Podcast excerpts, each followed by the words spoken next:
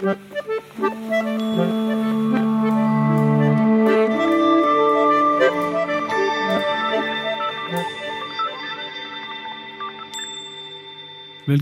til podkasten Ytringsklima.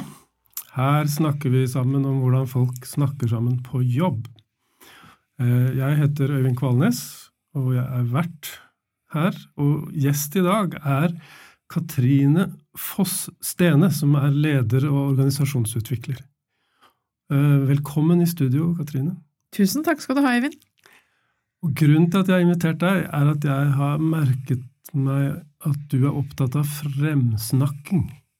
Det å si gode ting om andre. Hva er det som gjør at du er blitt nysgjerrig eller opptatt av, eh, av det? Det er nok både fordi jeg har erfart kraften i det selv.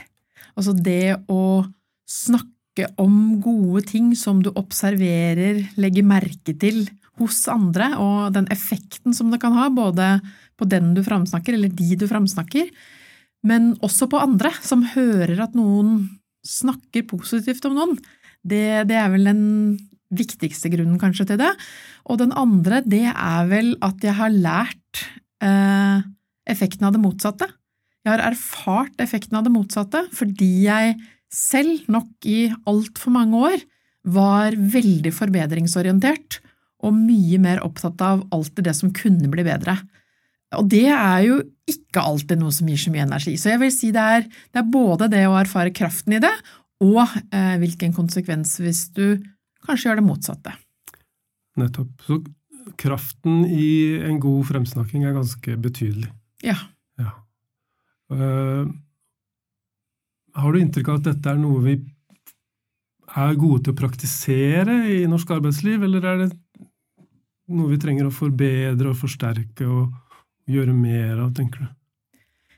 Jeg tror det er stor variasjon i eh, ulike miljø, ulike arbeidsmiljø, hvor opptatt vi er av det, og hvor bevisste vi er på det.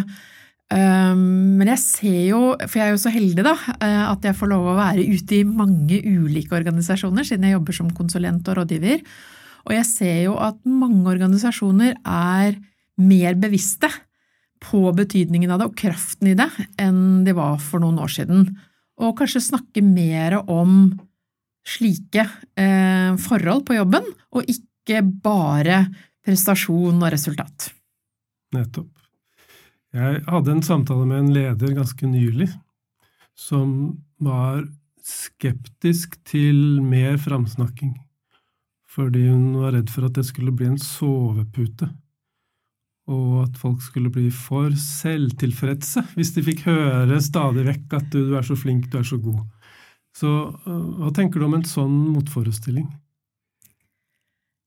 Eh, akkurat sovepute kjenner jeg vel ikke helt igjen, men jeg tenker hvis framsnakking er en teknikk du bruker for å oppnå noe, eh, for å smiske med noen, eller for å late som noe er bra, eller for å bare lage god stemning, eller sånt, så tenker jeg den er jo ikke ekte. Uh, og da har den i beste fall nøytral effekt, kanskje rett og slett negativ effekt. Men jeg tenker at det der å ta på seg litt positive briller, det der å se etter hva er det som gjør at denne personen eller dette teamet eller, eller denne gruppa eh, gjør noe bra, og så ta noen i å gjøre det, og fortelle om det, det tror jeg er veldig, veldig bra. Det betyr jo ikke at vi ikke skal kunne jobbe med forbedringsarbeid, at vi ikke skal korrigere osv. Men, men ekte fremsnakking, altså når du virkelig er imponert av noe, eller du legger merke til noe du tenker flere bør vite, flere bør kjenne til, eller kanskje bare den personen som du har lyst til å snakke, fremsnakke, da, eh, skal få høre det, det, det tenker jeg er, er, bra. Absolutt, altså. Men jeg har ingen, ingen sans for sånn eh, Altså, var kanskje mer fenomen for noen år siden, spesielt i sosiale medier, der hvor liksom alt var sånn amazing og fantastic og strålende, og liksom uansett hva du skrev eller gjorde, så kom det liksom 30 tilhengere og skrev at alt var helt uh, fantastisk. Det, det, opplever jeg som uh, ikke noe særlig verdifullt. For framsnakking kan bli tomme ord. Ja. ja. Så det, det har, den kraften du snakker om, den kommer først og fremst når det er noe konkret. Ja, og det er ekte, ikke Ja. minst. Ja. Nettopp. Mm. Jeg liker veldig godt det du sier om eh, positive briller. Eh, Jeg har en god kollega som heter Arne Karlsen, og han snakker om at vi må trene opp det anerkjennende blikket. Mm. Og det går litt tilbake til det du startet med å si også, eh, det med å gå gjennom en fase hvor du bare ser etter Bare bli opphengt i det som ikke er bra nok. Eh, og så, så jeg har opplevd flere ganger at jeg har eh, satt i gang en aktivitet hvor noe funker og noe funker ikke. Mm. Og så ber jeg deltakerne om å reflektere over det de har vært med på. Og så Det er så lett at folk bare ser på det de ikke fikk til. Ja. Er ikke det fascinerende? Jo, det er det, og det minner meg, Øyvind, uh, shame on me, er det ikke det det heter? Det minner meg om en, en uh, historie for en god del år siden, det er vel uh, kanskje 10-11 år siden, av min sønn, som nå er 20. Eh, vi var til såkalt utviklingssamtale på Montessori-skolen hvor han gikk. Og vi skulle snakke litt om selvfølgelig hvordan han hadde det på skolen totalt, men også hvordan fremdriften og læringen hans var. Og så fortalte da læreren hans eh, at hun var så imponert over hvordan Aksel, som han heter, da. Aksel jobbet systematisk, eh, flink å konsentrere seg og så alle de tingene. Nå hadde de hatt eh, en prøve, og han hadde gjort det riktig godt på den, og ja, det var god progresjon. Og så sa jeg ja, og hva slags resultater fikk han? Ja, og så sa hun ja, det var veldig gode resultater, han har all grunn til å være stolt av det. Supert, sa jeg. Eh, Hva betyr det rent konkret? Hva er det faktisk? Hvor mange poeng fikk han? Og så sa hun at ja, han fikk 68 poeng. Ja, av 100 eller av 90 eller av hva, sa jeg da. Og så sa hun det var veldig bra, Katrine. Ja, fint, sa jeg, men, men hvor mange poeng kunne han få? 70, sa hun, og så bare falt det ut av meg, og Aksel satt jo der også, Ja. så falt det ut av meg. Men hva var det du ikke fikk til, Aksel? Og altså, han var vel kanskje ni år eller noe sånt, Ja. og så bare detter det ut av Aksel da. Ja. Behave, sa han bare til meg. For han gikk i et ganske internasjonalt miljø, Ja. hvor han rett og slett han ble flau på mine vegne. Ja. Fordi at jeg gikk akkurat i den fella jeg fokuserte på de to poengene han kunne fått i tillegg, selv om de var fantastiske. Og det var jo ikke fordi jeg ikke var fornøyd eller ikke stolt, eller noe sånt, men jeg var liksom så orientert mot hva var det du ikke fikk til, ikke sant? Og det er jo det, det, var nok, det er nok en historie som er for meg ganske sterk, Ja. og kanskje litt oppvåking i jobbsammenheng også. Ja. At jeg må sitte litt mer på hendene mine i forhold til å te, se på forbedringer, og være litt mer eh, med de anerkjennende brillene som du snakka om, Øyvind. Nettopp. Så dette var en lærepenge for deg. Ja, det var en sterk lærepenge for meg, og, Ja. og siden det var av sønnen min, så var den jo også veldig emosjonell, ikke sant? Nettopp. Men hva, hva tenker du vi kan gjøre for å hjelpe la oss si, en gruppe som, som, som er opptatt av at de foreløpig ikke er gode nok til å framsnakke hverandre? Det sitter litt langt inne, og vi er vant til å sette søkelys på det vi ikke får til. og Så har vi hørt om det her med framsnakking, at det er, har stor kraft. Mm. Så hvordan kommer vi i gang med et sånt utviklingsarbeid for å bli bedre på det her?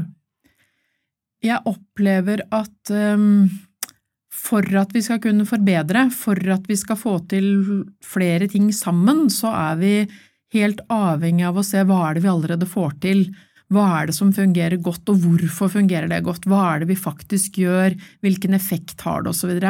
Fordi eh, det er jo det vi ofte kaller for styrkebasert utvikling, eh, uten at det skal være liksom naivt og det skal ikke bli overslag og sånn, men, men det der å faktisk eh, snakke om, da, hva er det vi får til, og hvorfor får vi det til, og hvordan kan vi eventuelt eh, bruke overføringsverdien av det på ting vi ikke allerede får til, ikke vi er så sterke på.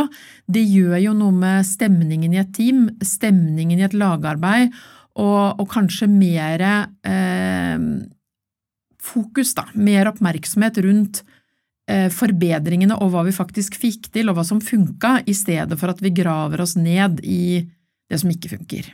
Men jeg mener, jo, jeg mener jo at det er veldig viktig å ha åpne og ærlige og direkte samtaler om begge deler. Mm. Eh, Sånn at det heller ikke blir en sånn naivisme eller snillisme om at alt er fint og bra. For det det er all grunn til eh, å snakke om det som er positivt, men det er også noe med man trenger ikke være syk for å bli bedre, ikke sant? Nettopp. En tidligere gjest i studio her var jo eh, Marianne Nordhov, Ja, som snakket om råbra.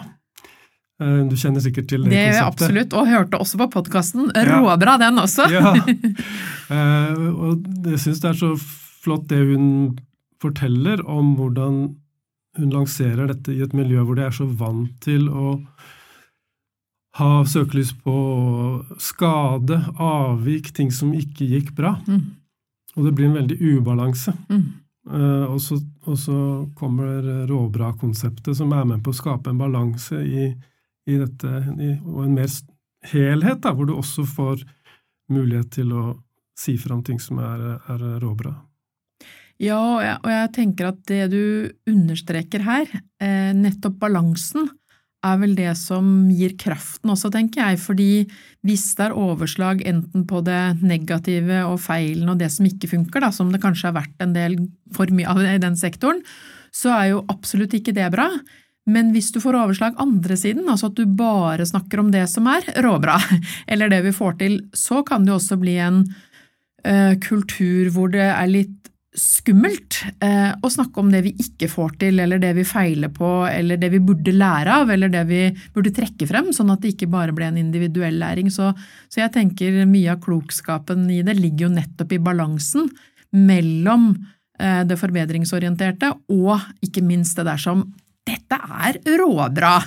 Og la oss stå i det og glede oss over det og feire det, og ikke minst fortelle om det.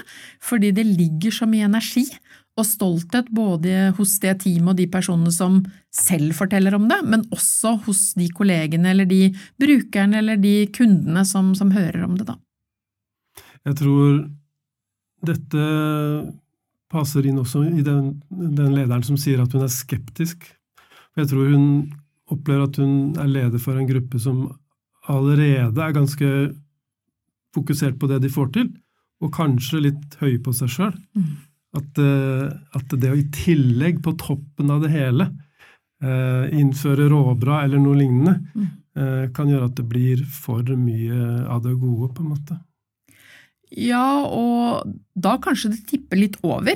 Ja. Eh, og så blir det, som du sier, kanskje litt mer selvsentrering, eh, og kanskje heller ikke helt eh, ekte samtaler om ting som også er krevende, eller ting som er vanskelig, eller ting som vi rett og slett ikke får til. Sånn at jeg tror jo jeg, jeg tror det er viktig å ikke gå i noen av grøftene, men være, være godt oppå veiskuldra. Nettopp.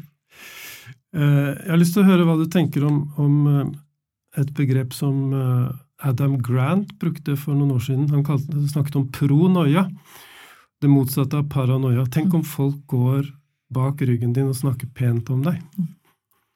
Uh, og jeg har så vidt nevnt en episode som jeg opplevde for ikke så lenge siden for deg, Uh, hvor jeg står i kø inn til en konsert sammen med min kone. Og så møter vi tilfeldigvis min musikklærer fra ungdomsskolen, Per Ole. Og vi hilser hjertelig på hverandre, og så står vi i kø sammen, og så starter konserten. Og så senere på kvelden så møter min kone eh, min musikklærer i kø inn til å kjøpe pils. Og så sier hun at Øyvind sier så mye pent om deg. Eh, Han sier at du har betydd så mye for hans utvikling. Eh, og jeg ble jo da noen år senere musiker, og spilte i band, og mye på grunn av at jeg hadde en, eh, en fabelaktig musikklærer. Eh, og så senere på kvelden så så jeg musikklæreren min i forsamlingen foran scenen, og jeg, han så opp mot meg, og jeg så bare at han lyste av liksom smilte fra øre til øre. Så jeg tenker det var noe av kraften Mm. i den meldingen som han fikk i køen der. Og så tenkte jeg etterpå at jeg har aldri sagt det til han. Så det syns jeg Jeg har grublet fælt på den eh, episoden der. Hva er det som har gjort at jeg ikke har vært frampå og liksom sagt tydelig og klart til han uh, dette her?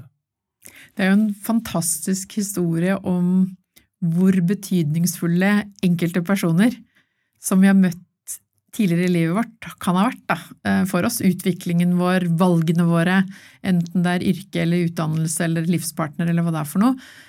Så det ene kan jo være at du sier hva er det som har gjort at jeg ikke har gjort dette før? Jeg har holdt tilbake. Det er jo kanskje ikke så mm, framsnakkorientert. Men du kan jo også tenke på hva var det som gjorde at du nå fortalte det, eh, og nå snakket om det, og hvilken kraft det var i det, og hvordan kan du bruke det til kanskje enda mer bevisst, da, mer framsnakking fremover? Ja, men jeg sa det jo ikke til han, jeg sa det Nei. til min kone, og så sa hun det videre, så det ble en slags uh, dynamikk der. Ja. Eh, men jeg har jo hatt mange muligheter, egentlig, innimellom til å si dette til han. Og jeg, eh, jeg har ikke tenkt at nei, det kan jeg ikke si. Jeg har liksom ikke holdt igjen med vilje. Kanskje det ikke har vært så bevisst hvilken kraft det var i å gjøre det? Og dele det med han? Jeg vet ja, ikke. Nei, jeg syns det var uh, helt forbløffende. Uh, for det, jeg, jeg, tror de ordene var så viktige for han. Så, jeg har ikke snakket med han dette etterpå, men bare så en mann langt borte som det bare gliste og så opp mot meg. Så var, jeg antar i hvert fall det. Det er all grunn til å tro det og tenke det, tror jeg. Ja. Mm. Så uh, dette betyr jo at selv vi som reflekterer og tenker over dette og er opptatt av dette her, kanskje ikke umiddelbart praktiserer det. Da. Det er i hvert fall noe av det jeg har tenkt, at, uh, at det var et gap der mellom det jeg faktisk uh, står for og ønsker å formidle, og forteller studentene mine at de burde gjøre. Uh, jeg kan ha forbedringspotensial selv også. Ja, av og til så er det jo lettere, og det kan i hvert fall jeg si som jobber med leder- og organisasjonsutvikling, det er lettere å se og, og gi råd enn alt å ta medisinen selv. Uh, det er nok mange ting jeg har erfart, og som jeg jobber med ledere og ledergrupper i dag, som jeg veldig gjerne skulle eh, skjønt litt mer av da jeg selv var leder, eh, både for mange år siden og for færre år siden. Eh, så det er jo ikke alltid man er like god på å ta sin egen medisin, da, Jun. Det er sant. Men jeg er jo så mm, heldig at jeg får lov til å være leder i juryen i noe som heter Ledertalentene, som E24 arrangerer hvert år. Og det er jo en kåring av godt lederskap eh, hvert år. Eh, og det er eh, unge talenter under 35 år eh, som er med i den kåringen. Og det som gir meg utrolig mye energi og glede hvert eneste år, selv om det er masse arbeid, det er jo å se alle de gode og konkrete og ektefølte tipsene om en person som er din egen leder, eller en i ledergruppa di, eller en som rapporterer til deg, eller en tidligere sjef, eller et eller annet, som har imponert deg med sitt lederskap, sitt potensial, sin måte å gjøre en forskjell for, for andre mennesker. Og det å få lov å lese de tipsene, og i neste omgang få lov å lese de referansene fra, fra de som jobber med vedkommende i det daglige, det er fantastisk bra, og jeg tenker at noen uh, virksomheter og organisasjoner de er veldig dyktige på systematisk å tenke på hvem er det? Det er all grunn til å fremheve, fremsnakke, få frem i lyset, som vi legger spesielt merke til, som er verdifulle og som, som utøver godt lederskap allerede i veldig ung alder. Og så er det andre organisasjoner som vi ikke hører fra, verken det ene eller det andre eller det tredje året. Mm, det er spennende. For det, selv i de organisasjonene så kan det være at det er gode ledertalenter og Garantert! Jeg er helt sikker på! Ja. Fordi når du ser på um, virksomhetene, og du ser på det de leverer til et eller annet marked eller en kunde eller til eierne sine, eller til hvor attraktive de er som arbeidsgiver, masse gode signaler om en god organisasjon, så er det jo helt åpenbart at det er mange dyktige ledere der. Men det får meg jo også til å være litt sånn nysgjerrig på hva er det som gjør i en kultur da, eh, at noen tenker at her er det om å gjøre å fortelle hvor mange dyktige mennesker det er her, for det betyr jo kanskje at andre dyktige har lyst til å jobbe der også, og andre som ikke foreløpig er løftet frem, tenker at hm, så godt å se at noen hos oss legger merke til dyktige folk, da. Og så kan det jo være andre som kanskje jobber et sted og tenker hm, hvorfor forteller vi aldri om, eller hvorfor markedsfører vi aldri, eller hvorfor deler vi ikke hvor flinke folk vi har i organisasjonen, og det tenker jeg det det er det all grunn til å være litt oppmerksom på, da, også i organisasjonskulturen. Og Det handler jo også om det å feire og markere at her er det noen som har, har gjort et, eh, et, godt stykke arbeid. Ja. Absolutt.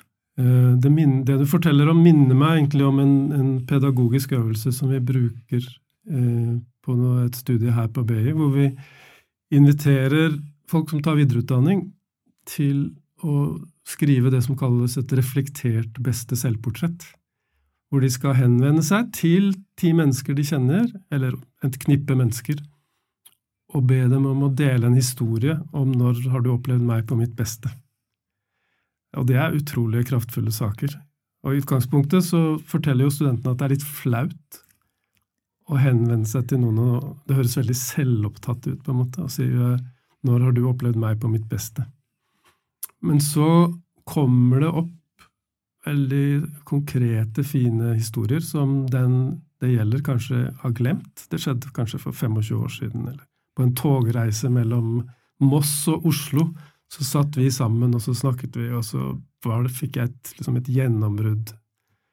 Eh, og det var du som var der for meg, på en måte. Så det å, å, å få muligheten til å grave i sin egen historie, og få opp disse, disse eksemplene, er utrolig energigivende, virker det som. Ja, og, og, jeg bruker ofte noe lignende, eh, ja. ikke akkurat samme øvelsen, tilsvarende, i lederutviklingsprogrammer. Og jeg tenker at bare det der som leder å være enda mer bevisst da, på hvilken effekt eh, du kan ha eh, på andre mennesker rundt deg, eh, enten det er små eller store ting du gjør, så kan du ha stor effekt, enten på positiv eller eh, negativ. Eh, effekt på andre mennesker. Så, så, det å få den type gode historier da, om hva du faktisk har betydd for noen, kanskje du ga noen det lille dyttet, eller kanskje du ga noen en liten anerkjennelse, eller kanskje du stilte noen et um, et viktig spørsmål som gjorde at de tenkte gjennom noe de ellers ikke var så bevisst på, eksempel. Så, så jeg tror jo at det å å gå gjennom en sånn type øvelse, da, og ikke bare for en kort periode, ikke bare de siste seks månedene, men mer liksom lengre tid, det tror jeg kan det ligge veldig mye kraft i. Og det har jeg observert mange ganger. Altså, jeg syns det er interessant også den reaksjonen studentene har om at det er litt flaut. Ja. Du, blir, du fremstår selvopptatt og uh, ditt, ditt eget hode, på en måte. Uh, er dette, jeg blir litt nysgjerrig, Eivind. Er det, er det, primært norske studenter du jobber med da, eller er det mange nasjonaliteter? Det er primært norske. Men det er jo en, en, en øvelse som Jane Dutton annet har vært med på å utvikle, så det er jo en internasjonal øvelse. Jeg tenkte mer på den reaksjonen eller refleksjonen over at det var litt flaut. Ja, nettopp. Om det ja. eh, eventuelt kunne ha noe med det norske. Ja. Eh, så øvelsen kjenner jeg, men jeg tenkte mer sånn ja, fordi den ene av mine sønner, eh, jeg har fire barn, eh, han studerte blant annet i USA. Og en av de tingene som de ble oppmuntret til å gjøre den første tiden for å bli litt kjent, da, på kryss og tvers av kulturer, for det var veldig, veldig internasjonalt miljø, det var å dele noe fra egen kultur som var typisk for sin eh, nasjonale kultur. Og for min sønn, den gangen ganske ung, da, så var det naturlig å fortelle om janteloven. Ja. Eh, og særlig de amerikanske studentene i klassen, de satt og humra og lo og syntes dette var moro, og gledet seg til han skulle si at dette var jo selvfølgelig bare tøys og tull. og når han ikke gjorde det, men, mm. men liksom avsluttet med at uh, sånn er det, eller sånn opplevde han da som ung 19-åring og som var der på idrettsstipend, at liksom norsk kultur var, så tenker jeg kanskje det har noe med det å gjøre også. Jeg vet ikke. At det er litt kleint, liksom, å fokusere på hvor dyktig jeg har vært, eller fortelle meg om mitt beste selv, eller ja. Jeg husker Det minner meg om noen nettsider som jeg har vært inne på hos uh, som framstående amerikanske forskere og akademikere. Og de legger jo fram i front Se alle prisene jeg har vunnet. Se hva folk sier om meg. Det er jo helt utenkelig å, å gjøre noe lignende her i Norge. Og da har jeg tatt meg i å tenke at dette er, det er kleint. Dette er en, eh, som en, en veldig selvsentrert eh, person. Så jeg er også trent i å, å være negativ til den, den tendensen. Ja, og, og det er jo litt fascinerende også fordi eh, jeg har en, eh, en slektning som eh, kommer fra helt annen kultur, altså nasjonal kultur, og som søkte jobb her i Norge, og var vant til den mer sånn amerikanske typiske måten, da, hvor du faktisk må me, myself and I og bruke superlativer hele veien for i det hele tatt du blir vurdert som litt mer enn mediocre. Ja. Og, og, så ble jeg spurt, siden jeg har jobbet en god del med lederutvelgelse, rekruttering generelt osv., om å bare kikke litt på CV-en og søknaden til vedkommende for å gi litt sånn, ja, en, en, et blikk inn, eh, siden vedkommende søkte jobb her i Norge. Og da var det sånn ah, Jeg kjente at jeg måtte liksom ta magadrag ja, ned før jeg liksom helt våget å si at dette er ikke sikkert at det er den aller beste måten å henvende seg til eh, norske virksomheter i Norge. Fordi det kan virke eh, som at du på tross av din alder har liksom oppnådd ekstremt mye, veldig dyktig, altså går utenpå veldig mange, og at du på en måte mangler litt av den derre jeg har også lyst til å jobbe her for å lære veldig mye. Ja, jeg kommer fra en annen kultur og kommer utenfra. Jeg kjente at jeg syntes det var litt vanskelig ja. å si det, og samtidig så kjente jeg jeg, jeg gjør ikke jobben min hvis ikke jeg sier det. Så jeg var nok litt, litt for forsiktig fra starten av og fikk en annen slektning til å hjelpe meg litt og si det litt tidligere. Ja. så, så, det er jo noen ganger så skal du også tenke på eh, at den fremsnakkingen, hvis den ikke er helt ekte, eller hvis den ikke lander helt kulturelt, så kan den jo få en annen effekt enn som, det som var intensjonen. Nettopp. Så det er om å gjøre å være klar over konteksten. Ja, ja det har du godt, eh, godt sagt. Mm. Uh, dette syns jeg er veldig spennende, og jeg får nye tanker om uh, hva som skal til for å bryte gjennom og bli dyktigere på, på framsnakking. Uh, men et siste punkt som jeg har lyst til å diskutere med deg, det er det som vi så vidt var inne på i begynnelsen, det med at uh, det kan bli overdrivelser, eller det kan være strategisk, det kan være falsk framsnakking, på en måte. Uh, og det er noen som sier at vi er jo gode til å gjennomskue falsk framsnakking, men jeg, jeg, tror, jeg er ikke det. Jeg går på limpinnen stadig vekk. Så hva tenker du om uh, hvordan skal vi liksom, passe på at vi ikke blir lurt da, av den framsnakkingen vi opplever? det er ikke sikkert det er så lett å gi noe generelt råd om hvordan man ikke skal bli lurt av litt sånn fake framsnakking. Men, men, kanskje noe av det viktigste vi kan bidra med, er jo at den framsnakkingen vi selv gjør, er ekte. Ja. Og som du sa tidligere, at den er konkret, og at den, den har basis i noe som er sagt eller gjort eller eh, utretta. Eh, fordi da er det jo mye mer verdifull framsnakking, og det er kanskje framsnakking vi kan lære noe av eh, og bli litt inspirert av. Jeg, jeg, tror jo mange av oss har stort potensial i heller å framsnakke enn å tenke at noen hele tiden lurer oss, da. Jeg husker en av mine første ledere. Han var styrelederen min eh, i et selskap jeg var, eh, var gründer i. Eh, fantastisk eh, mann som heter Tor Dahl, som nå er, har vært pensjonist i nesten 20 år, tror jeg. Han sa det at eh, vi skal ikke være så redd for å bli lurt av noen, fordi de som er ute etter å lure noen, de lurer gjerne hverandre. Ja. De aller, aller fleste de kan vi godt stole på. Så heller ha for mye tillit enn for lite tillit.